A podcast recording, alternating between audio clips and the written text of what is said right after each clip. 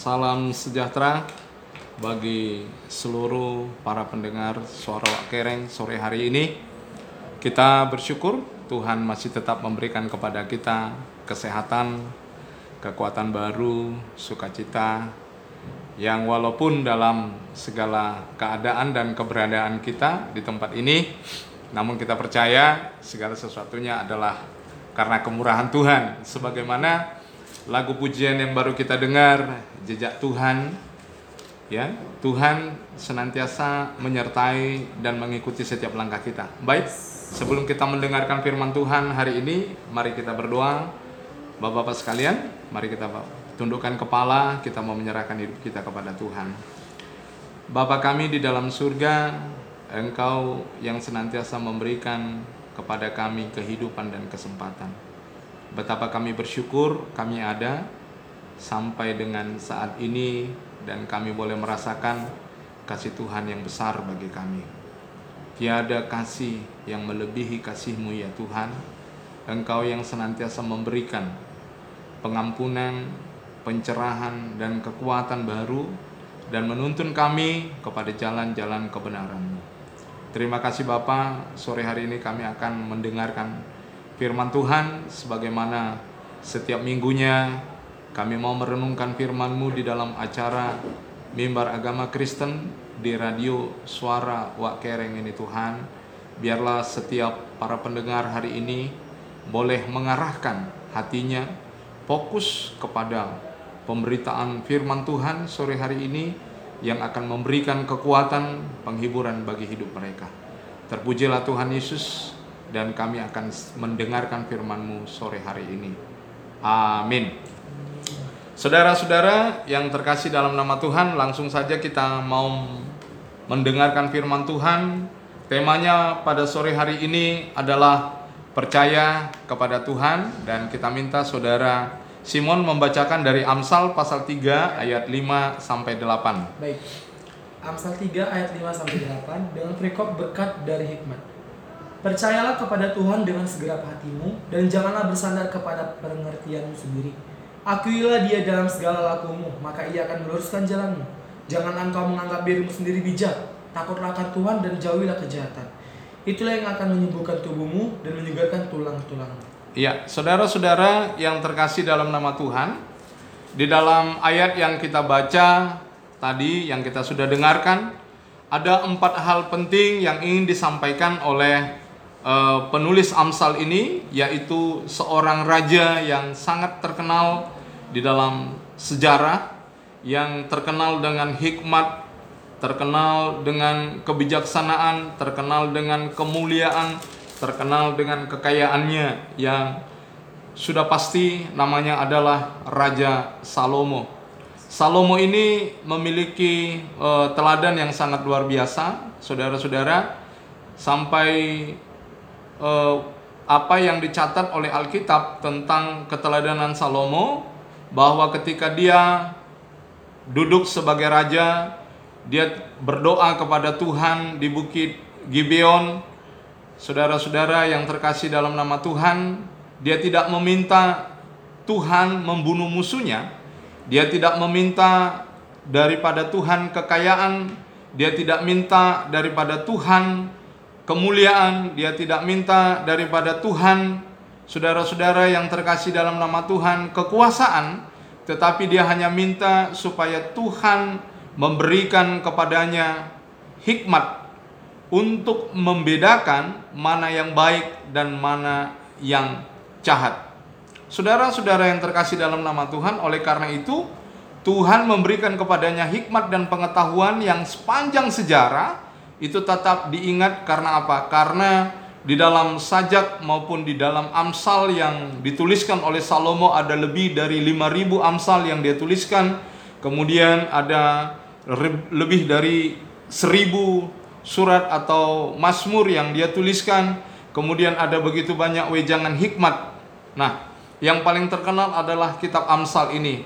Dan sore hari ini kita akan merenungkan satu bagian dari apa yang sudah dituliskan oleh Salomo yaitu tadi dalam Amsal 3 ayat 5 sampai 8. Dalam ayat tersebut ada empat hal penting. Yang pertama dikatakan, percayalah kepada Tuhan dengan segenap hati dan jangan bersandar pada pengertian sendiri. Yang kedua, mengakui Tuhan dalam semua aspek hidup. Ya, Tuhan yang akan meluruskan jalan-jalan manusia yang berharap kepadanya. Dan yang ketiga, jangan menganggap dirimu bijak, takutlah akan Tuhan dan menjauhi kejahatan. Dan yang keempat, yang menjadi hal penting yang akan jadi perenungan kita adalah bahwa firman Tuhan, ketaatan kepada Tuhan, rasa takut kepada Tuhan, itulah yang akan menyembuhkan tubuh kita dari semua penyakit dan menyegarkan tulang-tulang kita yang lesu. Nah, saudara-saudara yang terkasih dalam nama Tuhan, saya akan membahas, menyampaikan kepada kita sore hari ini pada bagian yang pertama, percaya kepada Tuhan dengan segenap hati dan jangan bersandar pada pengertianmu sendiri. Untuk memahami konteks ini, kita harus menelaah maksud dari kata percaya dalam ayat ini yaitu jikalau di dalam bahasa Ibrani kata percaya itu diterjemahkan dengan dua kata yaitu batak dan aman. Ya batak dan aman. Batak percaya aman itu juga adalah bagian dari percaya. Nah Kata iman atau aman dalam bahasa Yunani diterjemahkan dari kata pistis yang artinya kepercayaan atau penyerahan diri kepada seseorang. Kata kerja dari pistis adalah pisteo yang mempunyai pengertian percaya kepada atau mempercayakan diri atau menyerahkan diri kepada satu objek yang dalam hal ini tentu adalah Tuhan yang menjadi pusat atau tempat di mana kita menyerahkan atau mempercayakan diri kita. Membahas mengenai iman dan percaya yang bertalian dengan keselamatan bisa dilihat dari tiga dimensi. Ya, saudara-saudara yang terkasih, para pendengar sekalian, ada tiga dimensi yang akan saya sampaikan. Yang pertama, tiga dimensi dari percaya adalah Dimensi yang pertama, keyakinan terhadap karya Kristus yang telah selesai atau sempurna 2000 tahun yang lalu. Ya. Yang kedua, iman seperti ini disebut sebagai pengaminan akali atau persetujuan pikiran. Dalam hal ini pikiran setuju dan mempercayai fakta sejarah anak Allah yang berinkarnasi menjadi daging mati di kayu salib untuk memikul dosa manusia. Pikiran setuju dan percaya pada Yesus adalah Tuhan dan Juru Selamat. Saudara-saudara yang terkasih dalam nama Tuhan, percaya dalam dimensi pertama ini mutlak dan penting.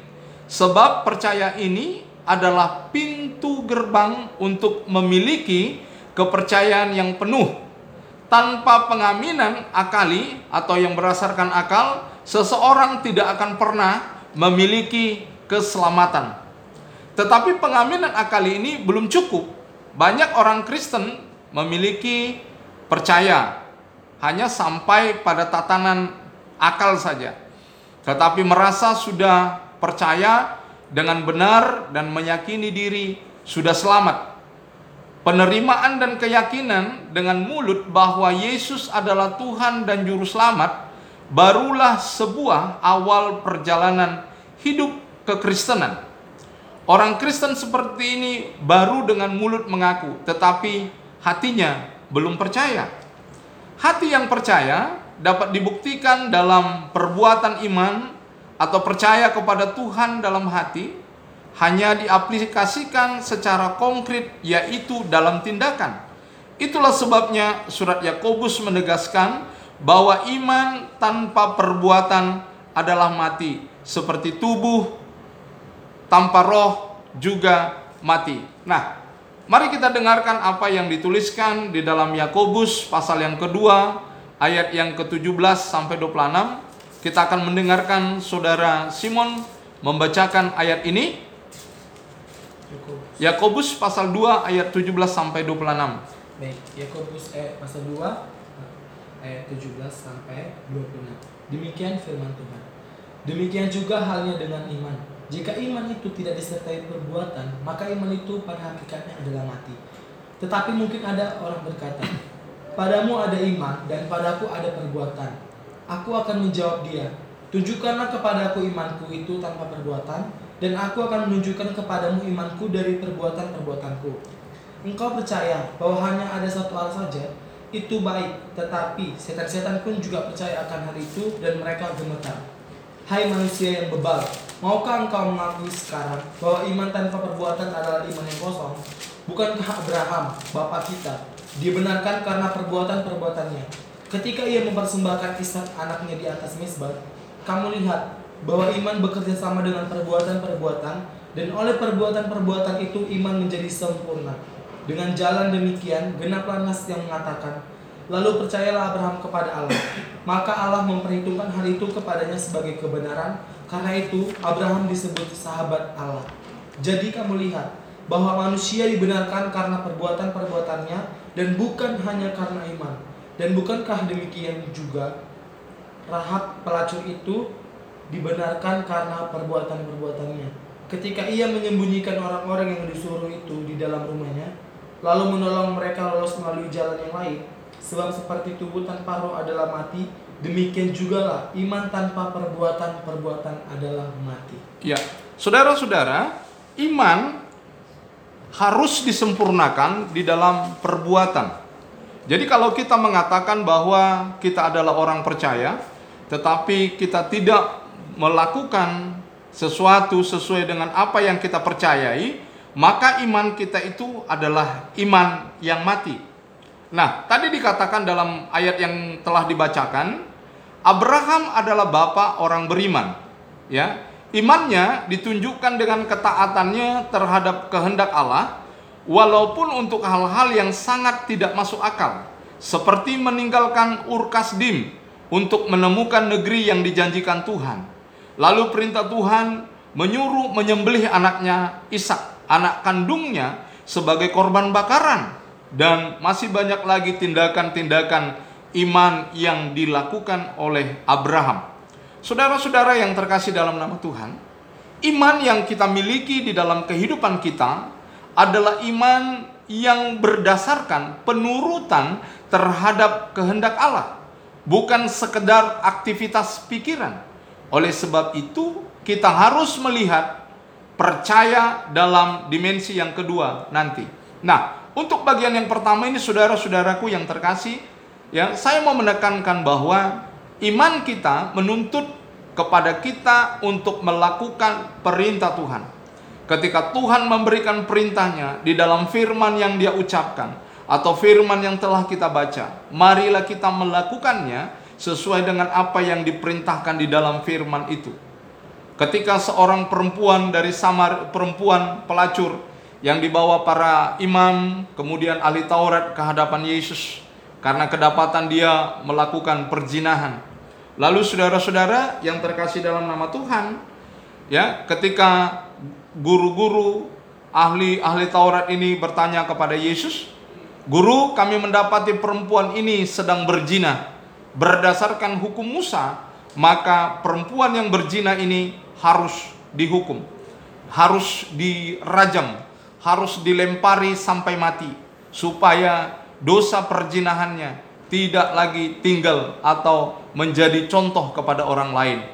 Lalu Yesus, saudara-saudara yang terkasih dalam nama Tuhan, dia berdiri lalu mengatakan kepada eh, orang-orang uh, di situ, "Baiklah jikalau kamu oh, mengatakan kalau perempuan ini berzina harus dihukum mati. Baik. Tetapi siapa yang pertama yang melempar pertama kali ya adalah orang yang tidak pernah berbuat dosa atau orang yang tidak berdosalah, yang tidak bersalahlah yang melempari perempuan ini pertama kali. Lalu satu persatu dari yang muda sampai yang tua pergi meninggalkan. Artinya apa? Bahwa orang Parisi tidak ada satupun yang tidak berdosa sampai mereka tidak berani menghukum perempuan yang berzina itu. Saudara-saudara yang terkasih dalam nama Tuhan, ketika Yesus melihat semua orang yang mau menghukum perempuan itu telah pergi, lalu Yesus berkata kepada perempuan ini, "Ke manakah mereka pergi? Tidak adakah yang menghukum engkau?" Lalu perempuan itu berkata, "Tidak ada, Tuhan." Lalu Yesus mengatakan, "Aku pun tidak akan menghukum engkau. Oleh karena itu pergilah, ya, pergilah dan jangan berbuat dosa lagi." Saudara-saudara yang terkasih dalam nama Tuhan, ini adalah sebuah uh, contoh yang dituliskan di dalam firman Tuhan bahwa kita yang percaya kepada Allah harus berusaha dengan sungguh-sungguh untuk meninggalkan segala perbuatan-perbuatan dosa kita.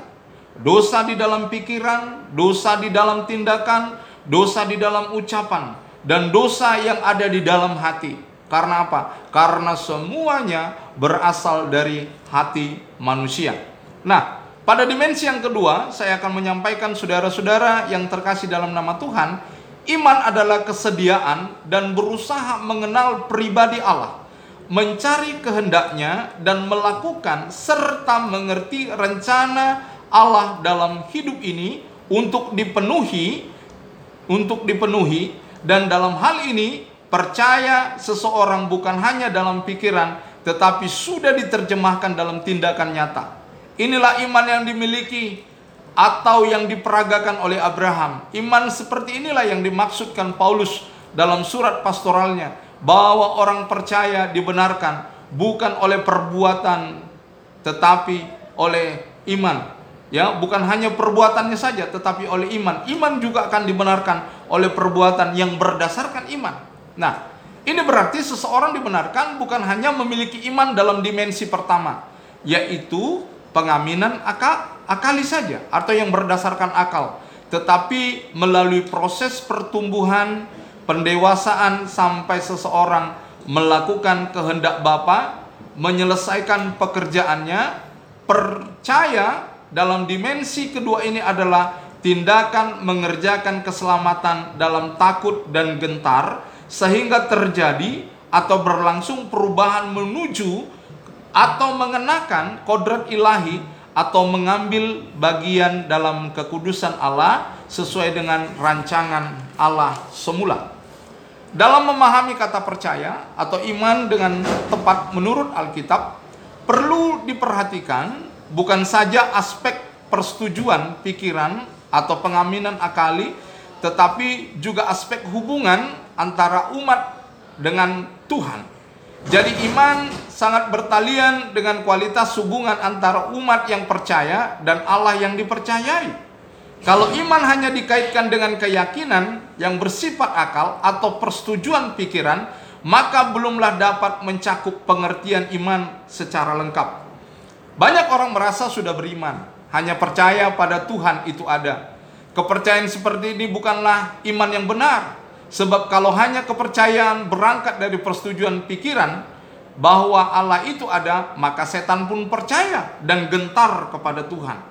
Nah, saudara-saudara yang terkasih dalam nama Tuhan, percaya dalam dimensi kedua ini adalah bahwa kita menunjukkan rasa takut kita dan ketaatan kita kepada Tuhan. Karena apa? Karena orang fasik juga saudara-saudara yang terkasih dalam nama Tuhan mereka percaya kepada Tuhan, tetapi mereka menganggap bahwa Tuhan itu tidak akan bertindak, tidak akan berbuat sesuatu apa pun untuk melakukan atau menghukum orang-orang ya yang bersalah.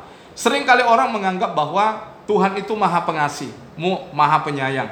Lalu karena Tuhan maha penyayang, maka dia tidak akan menghukum manusia, tidak akan mengadili manusia. Tetapi saya mau mengatakan saudara-saudara, Tuhan bukan hanya maha kasih, Tuhan bukan hanya maha penyayang, tetapi Tuhan juga maha adil. Dan keadilannya itu akan menuntut setiap orang dari semua perbuatan-perbuatan dosa yang mereka lakukan.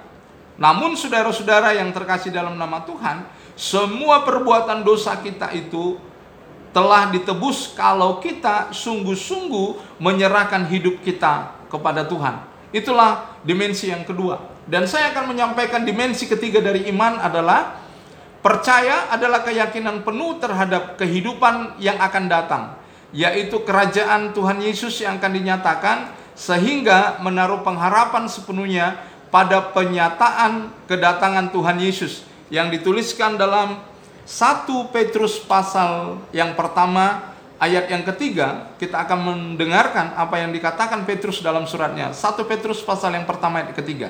Baik, 1 Petrus pertama ayat 1 ayat ketiga. Pengharapan iman dan kasih.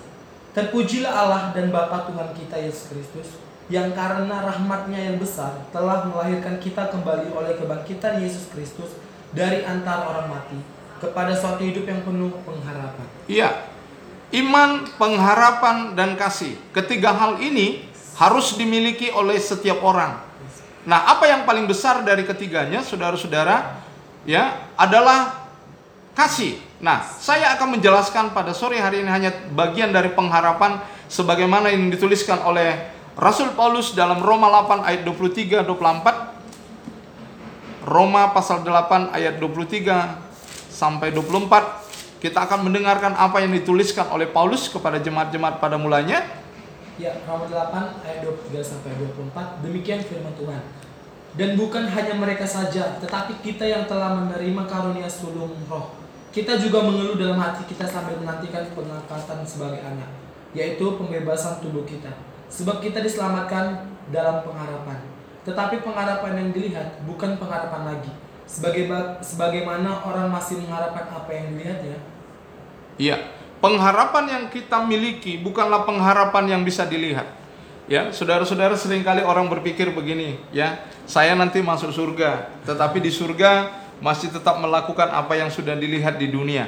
Tetapi yang akan kita kerjakan di surga bukanlah sesuatu apa yang pernah kita kerjakan di dunia, tetapi yang kita kerjakan adalah sesuai dengan standar yang telah dimiliki, yang sudah ditetapkan oleh Tuhan untuk dikerjakan, yaitu memuji dan menyembah Tuhan. Saudara-saudara yang terkasih dalam nama Tuhan, kehidupan yang akan kita terima setelah kematian kita adalah kehidupan yang kekal, kehidupan yang di mana kita akan dipenuhi dengan kemuliaan Tuhan dan kita mengerjakan dikatakan dalam Alkitab bahwa setiap orang yang mati di dalam Kristus akan sama seperti malaikat memuliakan Tuhan di dalam kehidupan mereka yang akan datang. Nah, sebab kita diselamatkan dalam pengharapan Orang percaya seperti ini ditandai dengan hati yang dipindahkan dalam kerajaan surga. Tentu saja mereka tidak lagi terikat dengan keindahan dunia sehingga layak menjadi anggota keluarga kerajaan Allah. Saudara-saudara, kalau di dunia ini kita menaruh pengharapan atau berjalan, saudara-saudara, tentunya hati kita penuh dengan segala keinginan-keinginan duniawi. Misalnya, kita ingin menjadi orang yang populer atau kita ingin menjadi orang yang mulia atau kita ingin menjadi orang yang kaya atau kita ingin menjadi orang yang dihargai ke mana-mana semua eh, seketika kita pergi semua orang berkata Horas ketua, Horas ketua, ya salam ketua, dihormati. ya dihormati saudara-saudara. Tetapi yang diinginkan Tuhan lewat firman-Nya adalah kita tidak lagi memikirkan hal-hal yang duniawi walaupun kita masih di dalam dunia, tetapi kita memikirkan tentang kerajaan surga. Oleh karena itu di dalam Matius 6 ayat 33 dikatakan, "Carilah dahulu kerajaan Allah dan kebenarannya, maka segala sesuatunya akan ditambahkan kepadamu." Apakah orang yang hidup dan melakukan firman Tuhan, percaya kepada Tuhan, tunduk kepada kehendak Tuhan, tunduk kepada otoritas Tuhan, akan mengalami kemiskinan, kemelaratan? Tidak, saudara-saudara. Firman Tuhan sudah menjamin segala sesuatunya akan ditambahkan kepada kita, termasuk kemuliaan, kehormatan, kekayaan, dan semua kenikmatan yang sudah dipersiapkan Tuhan bagi orang yang sungguh-sungguh mengikut Tuhan. Akhirnya, untuk memiliki iman yang penuh, seseorang harus berjuang sampai memiliki iman yang berkelimpahan saudara-saudara. Inilah perlombaan yang wajib bagi semua orang percaya. Dan kita akan mendengarkan apa yang dituliskan dalam Ibrani 12 ayat 1 sampai 3 bagaimana perlombaan yang wajib bagi kita. Ibrani pasal 12 ayat 1 sampai 3. Baik, Ibrani 12 ayat 1 sampai 3. Dengan perikop nasihat supaya bertekun dalam iman. Karena kita mempunyai banyak saksi bagaikan awan yang mengelilingi kita. Marilah kita menanggalkan, meninggal, meneng, menanggalkan sama semua beban dan dosa yang begitu merintangi kita dan berlomba dengan tekun dalam perlombaan yang diwajibkan bagi kita. Marilah kita melakukannya dengan mata yang tertuju kepada Yesus yang memimpin kita dalam iman. dan yang membawa iman kita itu kepada kesempurnaan yang dengan mengabaikan kehinaan tekun memikul salib ganti sukacita yang disediakan bagi dia yang sekarang duduk di sebelah kanan tata Allah ingatlah selalu akan dia yang tekun menanggung bantahan yang sehebat itu terhadap dirinya dari pihak orang-orang berdosa supaya jangan kamu menjadi lemah dan putus asa Ya, saudara-saudara, di dalam keimanan kita sebagai orang yang percaya kepada Yesus Kristus, perlombaan yang harus kita lakukan adalah memikul salib kita. Apakah salib kita, saudara-saudara? Yaitu menanggalkan segala keinginan-keinginan duniawi yang masih melekat di dalam diri kita. Ya. Nah, oleh karena itu iman di dalam kekristenan bukanlah iman yang hanya anugerah atau otomatis dimiliki seseorang, tetapi iman yang bersifat progresif, pertumbuhan yang terus dilatih, yang terus dikembangkan berdasarkan tahapan demi tahapan di dalam perjalanan kehidupan kita. Nah, saudara-saudara yang terkasih di dalam nama Tuhan, Kesimpulan bahwa kita percaya bukan hanya sebatas akal, tetapi telah masuk kepada ketaatan melalui perintah Tuhan dengan segenap hati, tulus dan tidak diombang-ambingkan oleh pemahaman atau filsafat-filsafat dunia lagi, tetapi sepenuhnya tunduk kepada kebenaran firman Tuhan. Saudara-saudara, ada banyak orang mengajarkan eh, hal-hal yang yang aneh-aneh di dalam eh, dunia ini saudara-saudara. Seolah-olah mereka adalah orang-orang yang benar ya. Banyak eh, pendeta ataupun guru-guru atau orang-orang penginjil-penginjil yang sesukanya mereka menafsirkan pemahaman-pemahaman dari kitab suci ya. Tetapi sebenarnya mereka sedang membawa menggiring orang-orang ke menuju pintu neraka untuk dibinasakan di dalam neraka saudara-saudara namun yang dipen, yang diinginkan Tuhan dalam hidup kita, kita tunduk pada otoritas, Tuhan, yaitu firman yang sudah kita terima di tangan kita masing-masing dalam Alkitab. Kita tunduk kepada apa yang dikatakan firman Tuhan itu. Oleh karena itu saudara-saudara yang terkasih dalam nama Tuhan, firman Tuhan diterjemahkan di dalam berbagai bahasa supaya apa? Supaya setiap orang bisa memahami dan mengerti maksud Tuhan bukan lagi berdasarkan pengajaran-pengajaran dari guru-guru agama, tetapi mereka akan menerima firman itu secara real tanpa perlu lagi diajarkan, hanya cukup mendengarkan, membaca firman Tuhan itu dan melakukannya. Nah, saudara-saudara, sebelum kita lanjutkan bagian firman Tuhan ini, kita akan mendengarkan sebuah lagu pujian dari Jeffrey Chandra yang mengatakan selalu ada jalan bagi Saudara-saudara yang terkasih dalam nama Tuhan, percaya kepada Tuhan, Tuhan akan membuka jalan bagi kehidupan kita. Mari kita mendengarkan lagu pujian ini.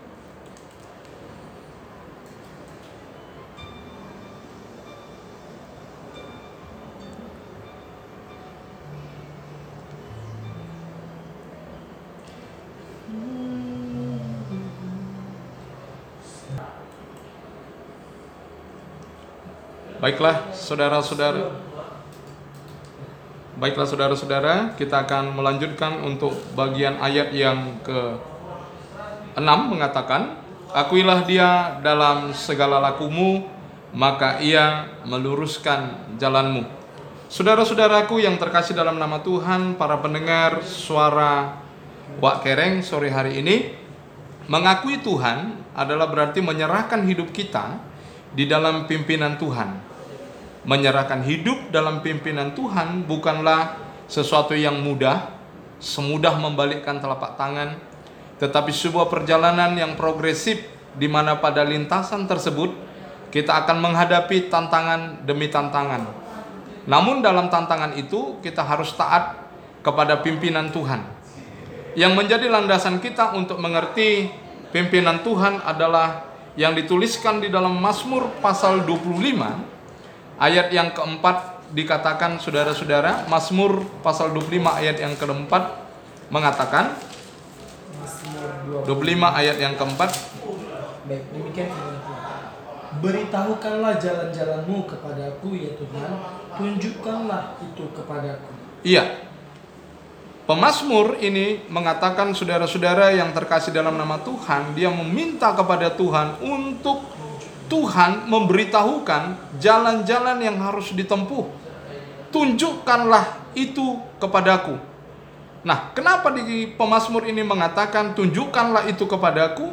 Karena dia menyadari bahwa Tuhanlah sumber dari segala sesuatu yang akan memberikan petunjuk dan jalan yang harus ditempuh.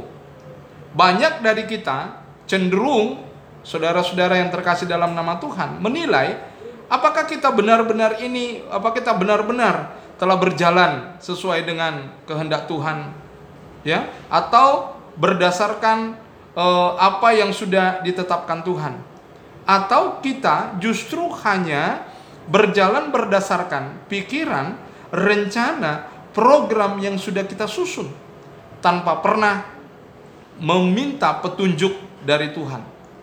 Dalam hal ini, kita berpendapat bahwa jika kita hidup menurut kehendak Tuhan, maka segala sesuatunya akan berjalan lancar. Tetapi jika ternyata kita mengalami berbagai-bagai masalah, luka hati, kita sering berasumsi bahwa kita sedang menyimpang dari kehendaknya. Benarkah demikian? Rasul Paulus mengajarkan di dalam surat tulisan yang dia sampaikan kepada para bejam, e, jemaat pada waktu itu dan berpendapat dalam pemikiran-pemikirannya saudara-saudara bahwa semua yang terjadi di dalam kehidupan kita persoalan, tantangan, kepahitan semata-mata saudara-saudara adalah bagian yang ditunjukkan Tuhan di dalam kehidupan kita. Ada kalanya kita harus mengalami masa sukar, luka hati, bahkan penganiayaan ketika kita sedang mengikuti kehendak dan rencananya. Sebab di sini banyak kesempatan bagiku untuk mengerjakan pekerjaan besar dan penting sekalipun banyak penentang, kata Paulus di dalam 1 Korintus 16 ayat 9. Dan itulah yang terjadi pada kunjungan-kunjungan misi yang dilakukan Rasul Paulus yang menunjukkan bagaimana Allah menutup satu pintu baginya dan membuka pintu yang lain sebagai jalan yang ingin ia tunjukkan kepada Paulus di dalam pelayanannya. Dalam kitab tersebut diceritakan bahwa setelah Lydia si penjual kain ungu dan seluruh anggota keluarganya menerima Injil keselamatan, Kesempatan baru tersebut sepertinya memberikan banyak harapan bagi kedua rasul tersebut. Namun ternyata tidak beberapa lama kemudian Paulus dan Silas dilucuti pakaiannya dan berkali-kali didera serta dijebloskan ke dalam penjara di Filipi. Kita mungkin tidak pernah berpikir bahwa luka, hati, penderitaan, penganiayaan, dan masa sukar termasuk dalam kehendak Allah atas hidup kita. Tetapi itulah yang Alkitab ajarkan kepada kita bahwa Tuhan melakukan menggunakan masa sukar untuk menguji iman kita, untuk mengajar kita agar berserah dan bersandar kepadanya, untuk membangun karakter ilahi dan kematangan rohani dalam hidup kita, serta untuk memperlengkapi kita untuk memberi penghiburan kepada saudara seiman yang mengalami hal serupa yang pernah kita alami. Dan bukan hanya itu saja, kita malah bermegah juga dalam kesengsaraan kita. Karena kita tahu bahwa kesengsaraan itu menimbulkan ketekunan dan ketekunan menimbulkan tahan uji dan tahan uji menimbulkan pengharapan yang menghibur kami dalam segala penderitaan kami sehingga kami sanggup menghibur mereka yang dalam bermacam-macam penderitaan dengan penghiburan yang kami terima sendiri dari Allah. Dituliskan dalam 2 Korintus 1 ayat 4. Saudara-saudara yang terkasih dalam nama Tuhan, kita akan mendengarkan sejenak lagu pujian dari NDC Worship. Berkat kemurahanmu.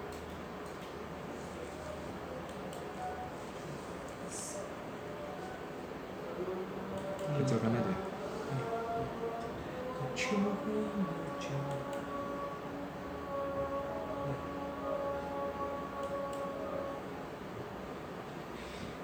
I keep you